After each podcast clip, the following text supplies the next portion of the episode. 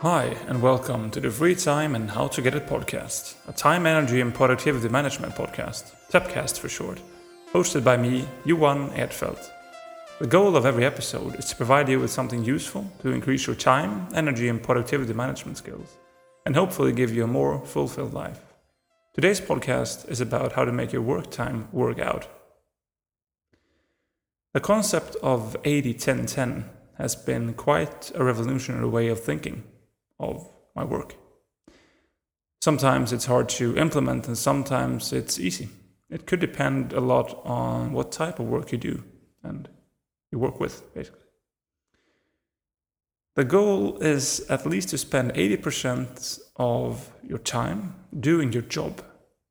10% you spend on developing yourself and your skills, and the remaining 10 you spend on telling others how good you are at your job. I know it sounds ridiculous, and especially the last 10%. But it's not about boasting your skills without any content. Rather, it's about sharing your knowledge with others so that they realize your potential and maybe come ask you about challenges that they have in their project and so on. That could be in terms of your next meeting with your manager, where you set up your personal development plan, PDP. But more importantly, it's something that you should try to bring with you all the time. The networking side is a part of this 10%, and I've struggled with it a lot. Probably the most since I tried to go into my focus bubble and double down on work, and all of a sudden it's time to go home, and I've spent the whole day without speaking to a single soul, except maybe during quick lunch where we discussed a project that I don't even work on. Making your work time work out, however, is so important that it cannot be stated enough times. It's about leveraging your position to the maximum potential of it.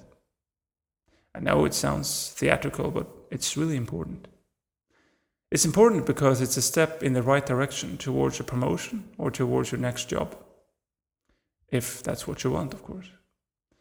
Maybe you speak with someone from a different department during that quick lunch, and maybe it's her project that you're discussing. And all of a sudden, you find yourself much more interested in her project than the one you're working on. Maybe it's time for change. Maybe you should be working on her project instead of yours. One big thing to ask yourself is Is your current job the job where you would like to work and actually spend your time? For many of us, we realize too late that our job has lost its touch, lost that special feeling, if you will, and instead we may actually not perform at our best at our current jobs. Well, it might be time for change. I know it's terrifying for many of us to actually do something about the current situation so drastically as it is to change jobs. But let's face it, people change jobs at all time, especially today. It's very common that we keep a job, depending on level, anywhere between one and five years, and then find something else. It can be an excellent idea to boost your challenges and your salary. When you start thinking that the job you have will not allow you to do your best, you should change jobs.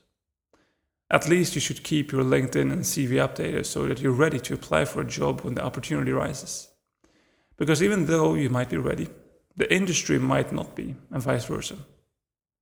If you have all your papers in order, it will go much faster to actually apply for a job when you find something that interests you. The thing is that your current job could be wearing you down and not allow you to perform at it which in turn could make you sad and upset on your time away from job. And all of a sudden, you're entering a negative spiral that will eat you up from the inside. So, how about what if? How about what if your perfect job is out there right now? Have you had a look at the job market in your field of interest? Note that I said interest, not necessarily expertise or speciality.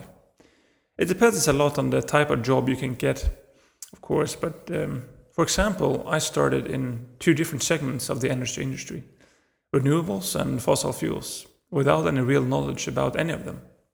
But I had the theoretical skills and I knew how to learn many things quite fast. For sure, it helps with a degree or two up your sleeve, but regardless, there are many jobs you can choose between in order to fulfill your life and dreams. So, why not take a few minutes to think about what you would like to do instead of your current job. It might be the beginning of your dream. That concludes today's episode about making your work time work out. Thank you very much for listening. Send in your questions to the freetimepodcast at gmail.com and I'll gather them in a Q&A session once in a while.